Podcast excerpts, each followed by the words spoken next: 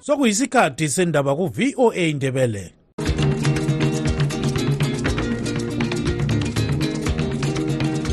amatshono zihlobo siyalamukela kuhlelo lwethu lwezindaba eziphathelane lezimbabwe. Kustudio 7 eya voice of america sisakaza sisewashington dc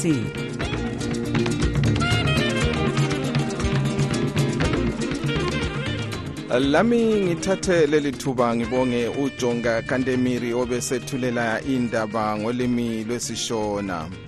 Linga litshona njani izulukandaba lamukela ngenjabulo enkulu emsakazweni westudio 7 ngomgqibelo mhla ziku-2 mbimbitho 2024 nguchris gande.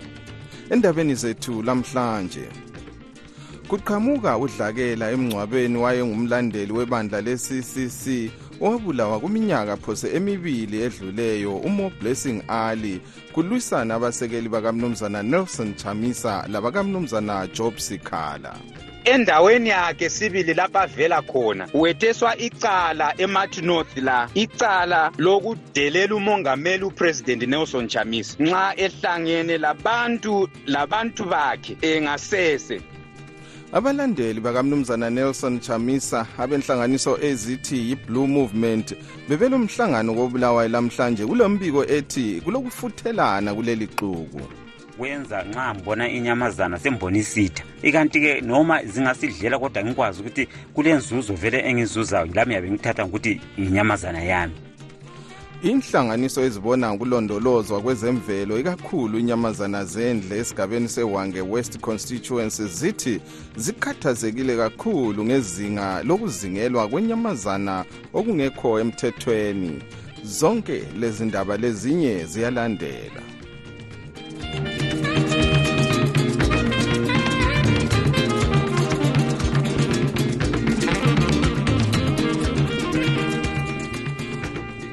Kuqhamuke ukulwisana lokuxokozela emngcwabeni kamuyi unkosazana mo blessing ali owabulawa ngumsekeli wezanu pf upius jamba.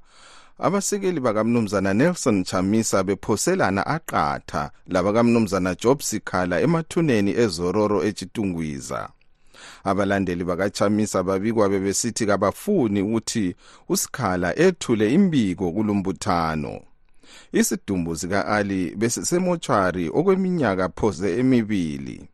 Intatheli zindaba istudio 7 umlondolozi ndlovu sethulela lolu daba ngugcweleyo esechitungwiza abalandeli bakachamisa bebehlabela ingoma ezihaya umkhokheli wabo okucunule abasekeli bakasikhala abathe abathule ngoba kusemfeni kwase kuqhamuka udlakela abantu betshayana ngezandla kwaba yisimayemaye amaqembu la ahluphane okwemizuzu phose elithumi andubana abanye babo balamule baqhubeka ngomsebenzi abakade bewulandile kodwa kulokufuthelana.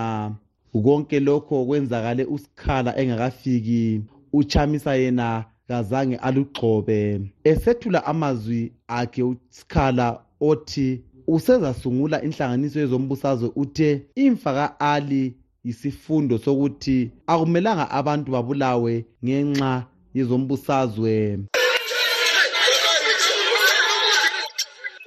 Ingcethu kwezombusazwe zithi ukulwisana lokhu kuveze ukuba ibandla eliphikisayo liphakathi kobunzima obukhulu ngoba abantu beliswana bodwa kuzaba nzima ukuba bakhiphe ibandla lezanu-p f embusweni. Enye yalezi ngcwethi ngumnumzana yebet jamuka. Ujamuka uthe kumele kube lokukhulumisana phakathi kwenkokheli yebandla eliphikisayo. Ya siyethukile thina njengama-oppositions ukubona abantu bekwajob scala nabantu bekwachamisa belwisana belwisana emngcwabeni ukamo blessing ali. Eh siyayikhupha njani izanu PF thina silwisana sodwa? Instead yokuthi thina sibambane njengama opposition sikhuphe izanu PF ngokhetho oluzayo luka 2028 lokhu kusekelwe ingcwethi umnumzana libert sibindi osebenza lenhlanganiso ye-leaders for africa network? Ah mina ngombono wami ukulwa lokho bekungadingakali lokho.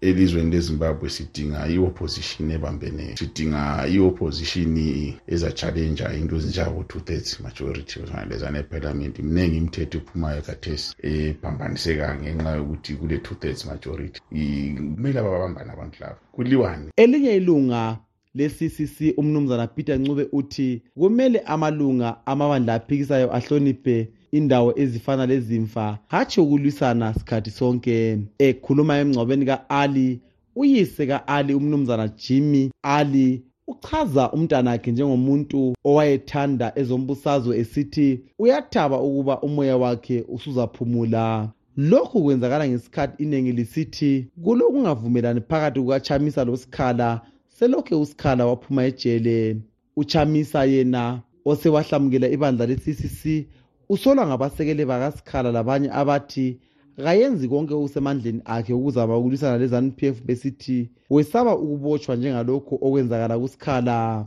Yena uthi ukubotshwa ayisikho okuveza ukuzimisela kwenkokheli yebandla lephikisayo kodwa ukudinga usekelo oluningi ebantwini yikho okuqakathekileyo. Ujamba mukandi owabulala unkosazana ali wamcoba umzimba wawuphosela emgodini wamanzi omdala endlini kanina enyatsime wagweja ukuba avalelwe entolongweni okweminyaka engamachumi amathathu 30 years. Ngiyimele isitudio 7 ngiseharare ngimlondolozi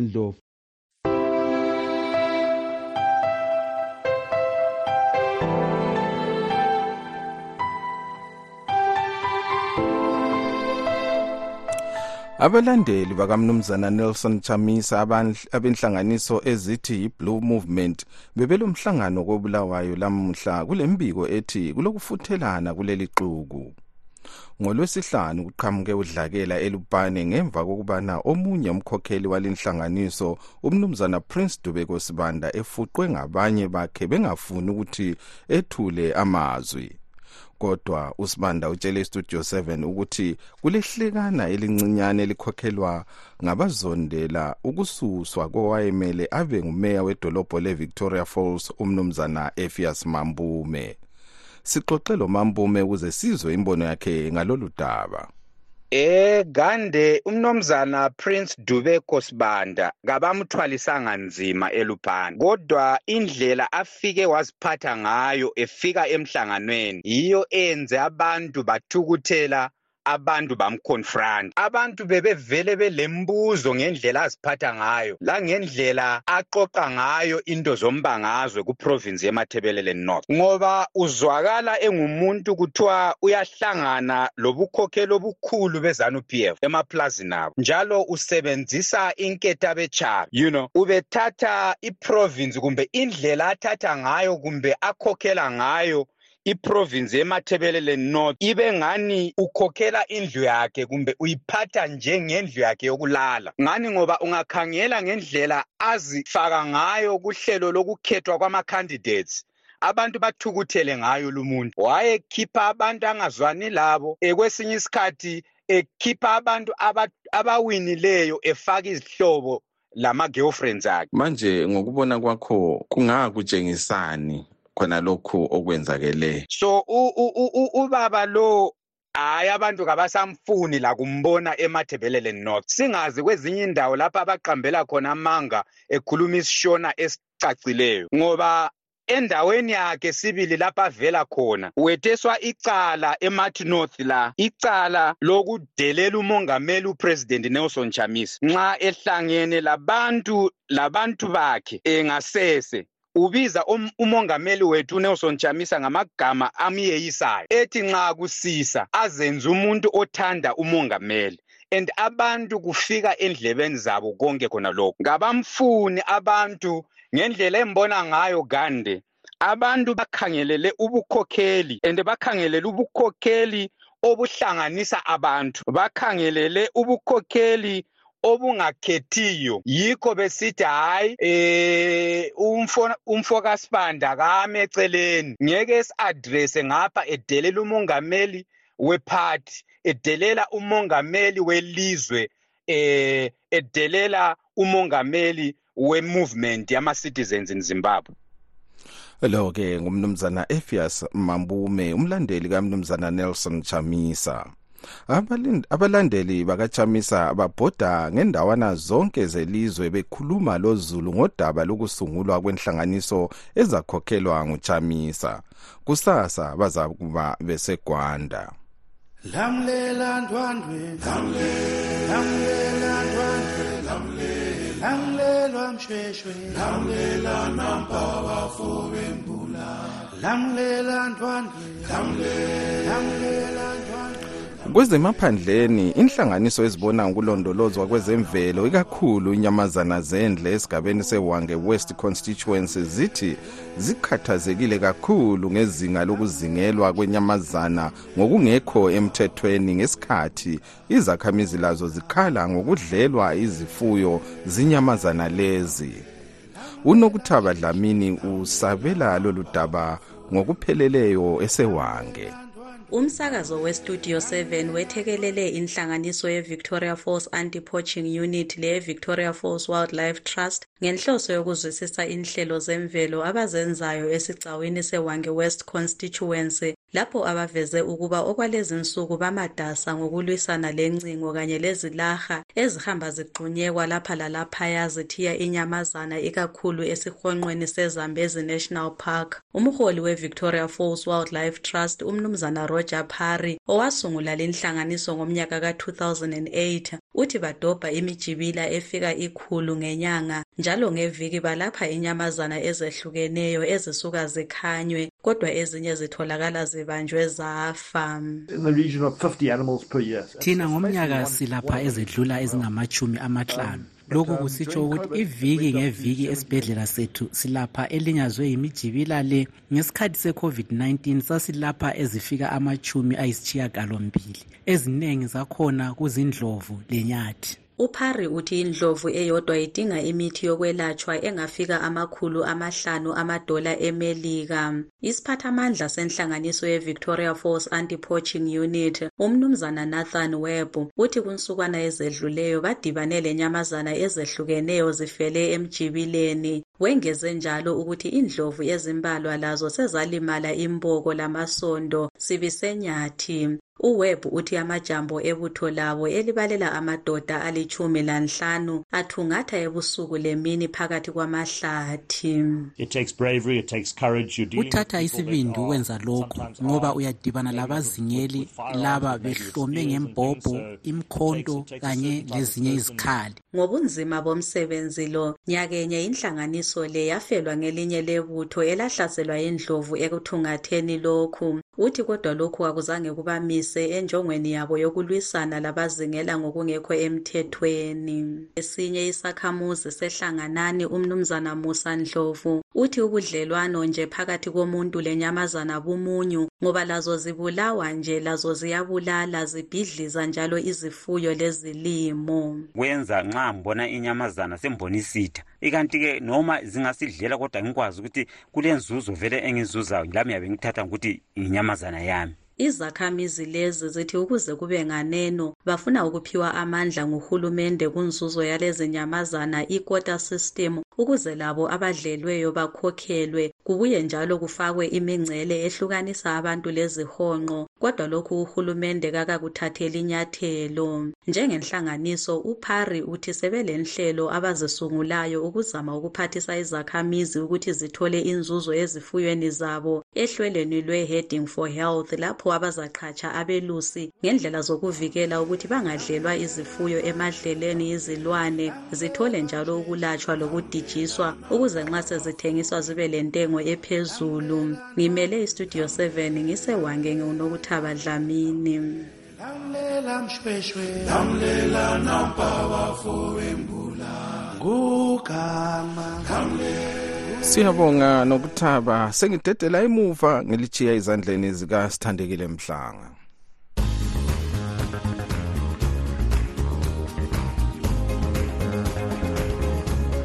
Lamhlanje kuhlelo oluphathelane labesifazana sixoxa lo nkosazana khethiwe bhebhe ilunga lelinye lamacele ebandla lemthwakazi republic party lona elithi selazise amapholisa ngokuthi lizatshengisela ezitaladeni hlaka-11 kuyonale inyanga kobulawayo lisola indlela uhulumende aphethe ngayo udaba lwegugurawundi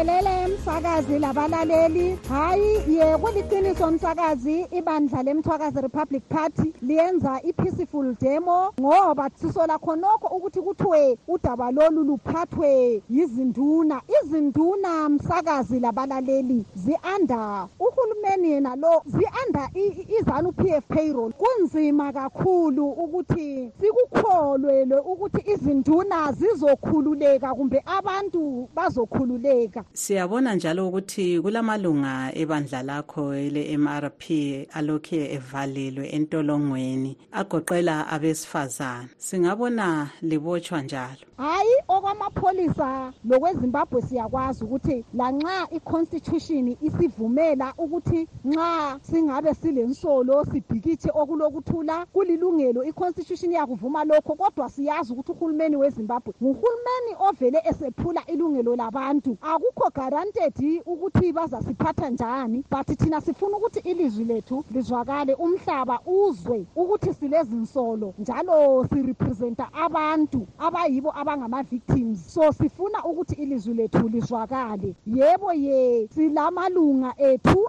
asaphakathi laphayana konke khonokho kuyikutshengisela ukuthi amalungelo abantu bakomthwakazi avele azange ahlonitshwa. Abantu bakomthwakazi abazange bavele bayithola inkululeko kumbe baba lokuthula. Ngingazi ukuthi omama bazasukuma kanjani kodwa siyazi sonke udaba lombhuqazwe lwalimaza kakhulu abantu bakomthwakazi psychologically mentally and emotionally. Abaningi bale anger balokuthukuthela so nxa sekunjalo kuyabulala esingathi self confidence yomuntu. Kodwa ngendlela osekuyikho ngakhona uzananzelela ukuthi udaba lolu sekuleminyaka kungakaze kwekuthiwe luyaphathwa. Is neither here nor there. I believe ukuthi kwabanye sebengaba lokwesaba kodwa kwabanye bakhona abazosukuma bebe strong bethi this is the chance this is the opportunity ukuthi sisukume sikhulume. So abaningi mbona besukuma kakhulu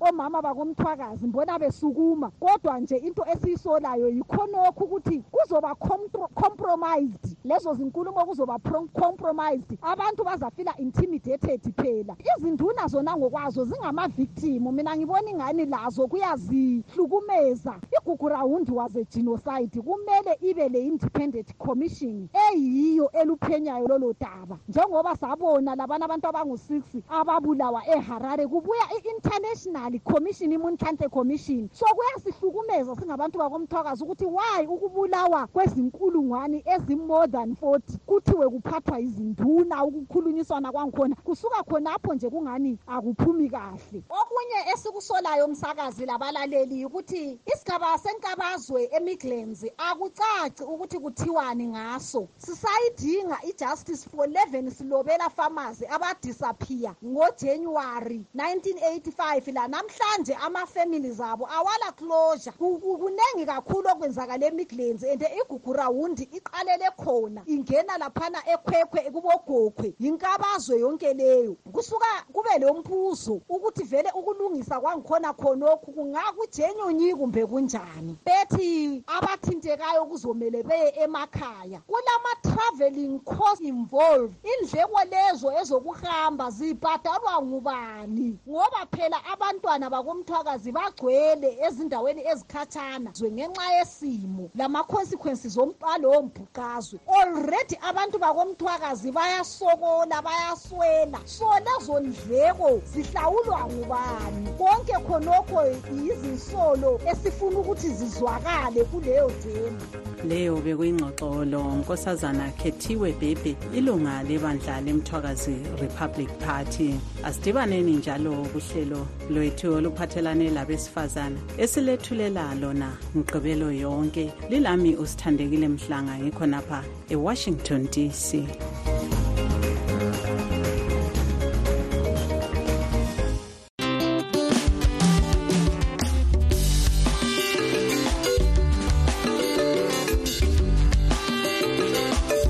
lamhlanje kuhlelo lwethu sixoxa lomnumzana Themba kuye moyo isikhulumeli senhlanganiso yababalisi bemaphandleni e-R2s okwakuqala ngiyakwamukela kuhlelo mnumzana ngiyabonga ntateli chris. Salibonani balalele bestudio 7 siyabona ukubana inhlanganiso eziningi ezibalisa ezempilakahle lezezikolo labanye nje bakhuluma ngokukhalala umsebenzi. Ungasitshela ukuthi lina lithini ngokukhalala umsebenzi okufuna ukwenziwa zinhlanganiso lezi? Um siyabonga ntateli chris ukuba lina njengentatheli liyakunanzelela njalo liyakulandela esikwenzayo ukuzama ukulungisa ukulungisela izisebenzi impilo engcono. Um okokuqala kuyasijabulisa ukuthi sesibaningi esesingena kulolu hlelo lokukhalala emsebenzi ziningi indlela-ke thina esike sazizama lanxa phecelezi besisebenzisa ibalelethi incapacitation asenelisi um uhulumende wethu osiholayo uvele kalandaba labantu kalandaba lezisebenzi amalunga kahulumende ayiwo asibusayo kathesi ale ndaba lezi suzawo yikho ubona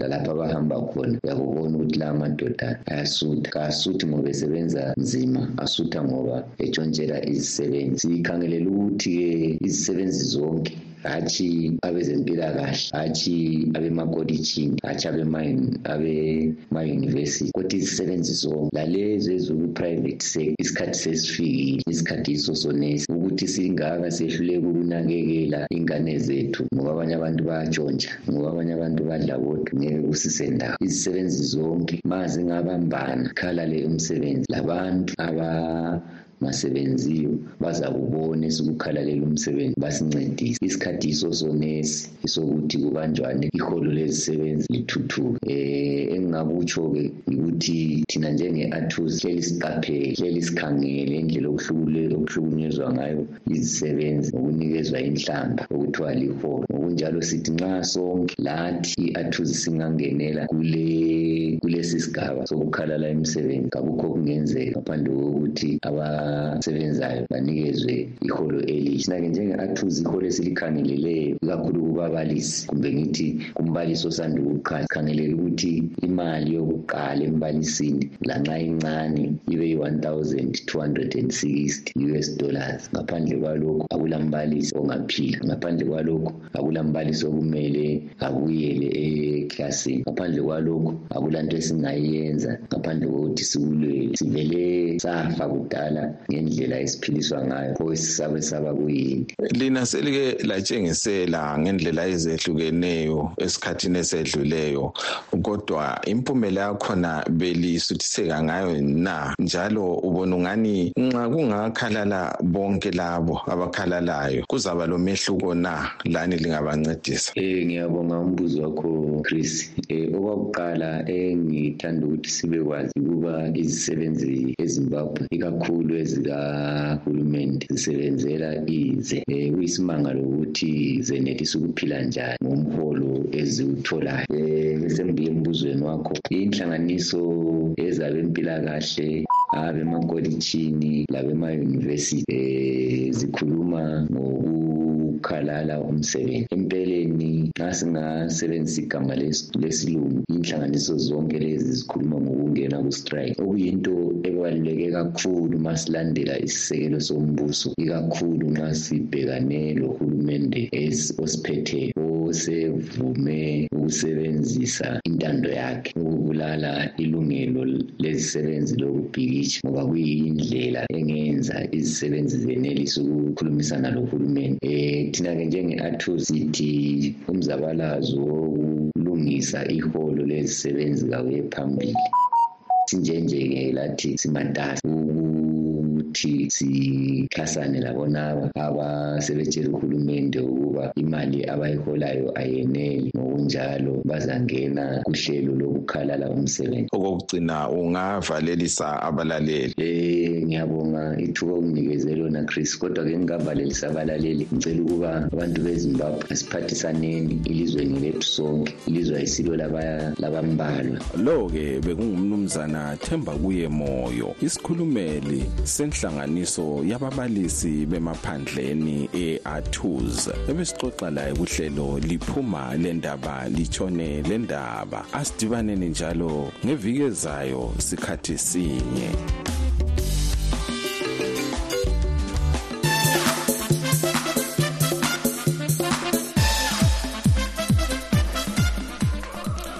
Kwezemidlalo singakangeni ke kwezemidlalo ngithanda ke ukulazisa abalaleli ukuthi nxa lifuna ukuthunyelwa inhlelo zethu nge-whatsapp inombolo zethu ngu plus 1 202 465 0318 ngiyaphinda njalo inombolo zethu plus 1 202 465 0318 ngesikhangele ke ezemidlalo bathabe bamanzi te abaphatheke kumdlalo abaphatheka kumdlalo wokugijima edolobheni lakobulawayo.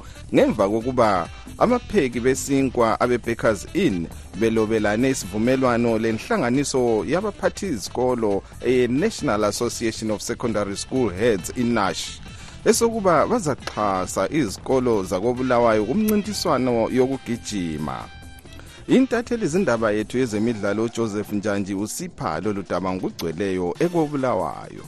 Umqeqeshi womdlalo wokugijima uthemba mhlophe uthi umdlalo wokugijima usuzathuthuka kakhulu edolobheni lakobulawayo ngemva kokuthola usekelo oluvela kwabe-bakers inn. Abantwabethu sebezaba lethemba labo ukuthi kuma-track events bazanelisa ukuthola something labo in-britain bangagijima abebhekazini bathi bazancedisa abadlali ngokubagadisa besiya emidlalweni babaphe isinkwa kanye lamanamunede babaphe imvunulo abayigqoka nxa begijima bababhadalele lapho abazabe behlala khona. Bathi njalo bazapha imvuzo yemali kanye lesinkwa kulabo abazathola imendulo kumncintiswano abayabe bephatheke kuyo. Obemele abadlali emkhosini wokuthakazelela lesivumelwano esinathi ndlovu uveze ukuthaba okukhulu ngosekelo lolu. Lonyaka umncintiswano we-national association of secondary school heads athletics national championships uzaqhutshelwa edolobheni le-victoria falls njalo yikho lapho kuzahle kuqale khona uxhaso lwabe-bakers in kuqembu elimele idolobho lakobulawayo. Umgcinisihlalo wenhlanganiso yenash edolobheni lakobulawayo obheke kuhle dube ubonge kakhulu usekelo lolu njalo uthe isifiso sakhe ngesokuba baluthole lalapho sekudlalwa eminye imidlalo engayisiyo yokugijima. Kusenjalo ilizwe lezimbabwe lizathumela abadlali abangamachumi ayithoba minembili lantathu 83 kumidlalo ye-african games ezaqhutshelwa elizweni laseghana kusukela mhla ziyithoba minembili kusiya mhla zingamachumi amabili lantathu kuyona le inyanga kamabasa iqembu elimela ilizwe lezimbabwe lizancintisa kumdlalo ebalisayo we-athletics icricket icycling itriathlon ijudo irugby ikarati kanye le-chess ngimele istudio 7 kobulawayo ngingujoseph njanjini. Ngesikhathi senguquko kungacaci kahle okwenzakala emhlabeni. Esikuzwayo kungayisikho esikubonayo. Sidinga iqiniso. Sitshelwa izindaba ezingaphelelanga silahlekelwe liqiniso. Ngesikhathi sohlupho amaphupho ethu ithemba lezifiso zekusasa enhle kwenzakala uma abezindaba bekhululekile. Kumsakazo we-voice of america silethulela izindaba ezitholwa ngokuzinikela okuphezulu. Sixhumanisa abantu ngokubethulela iqiniso. Kumsakazo we-voice of america silethulela okwenzakalayo njengoba kunjalo. Isikhathi kasisavumi ukuba siqhubeke sisonke kodwa singakehlukani ke sikhangele ezinye zenhloko zendaba ebezikhokhela. Kuqhamuka udlakela emngcwabeni wayengumlandeli webandla le-ccc owabulawa kwiminyaka phose emibili edluleyo umo blessing ali. Ngemva kokulwisana kwabasekeli bakamnumzana nelson chamisa labakamnumzana job sikhala. Abalandeli bakamnumzana nelson chamisa benhlanganiso ezithi yona yi-blue movement bebelomhlangano kobulawayo lamuhla kule mbiko ethi kulokufuthelana kuleli xuku silugqiba ke lapha uhlelo lwethu lwalamhlanje lingakhohlwa nxa lifuna indaba zethu 202 465 0318 izinombolo yewhatsapp. Lilale.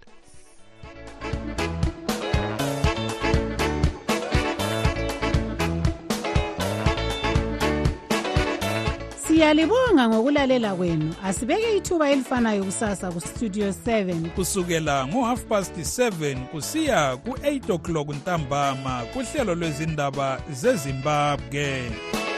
Tinotenda nekuteerera chirongwa chedu. Teererai zvakare mangwana kubva na7 p m kusvika na730 p m. Apo tinokupai nhau muririmi rweshona.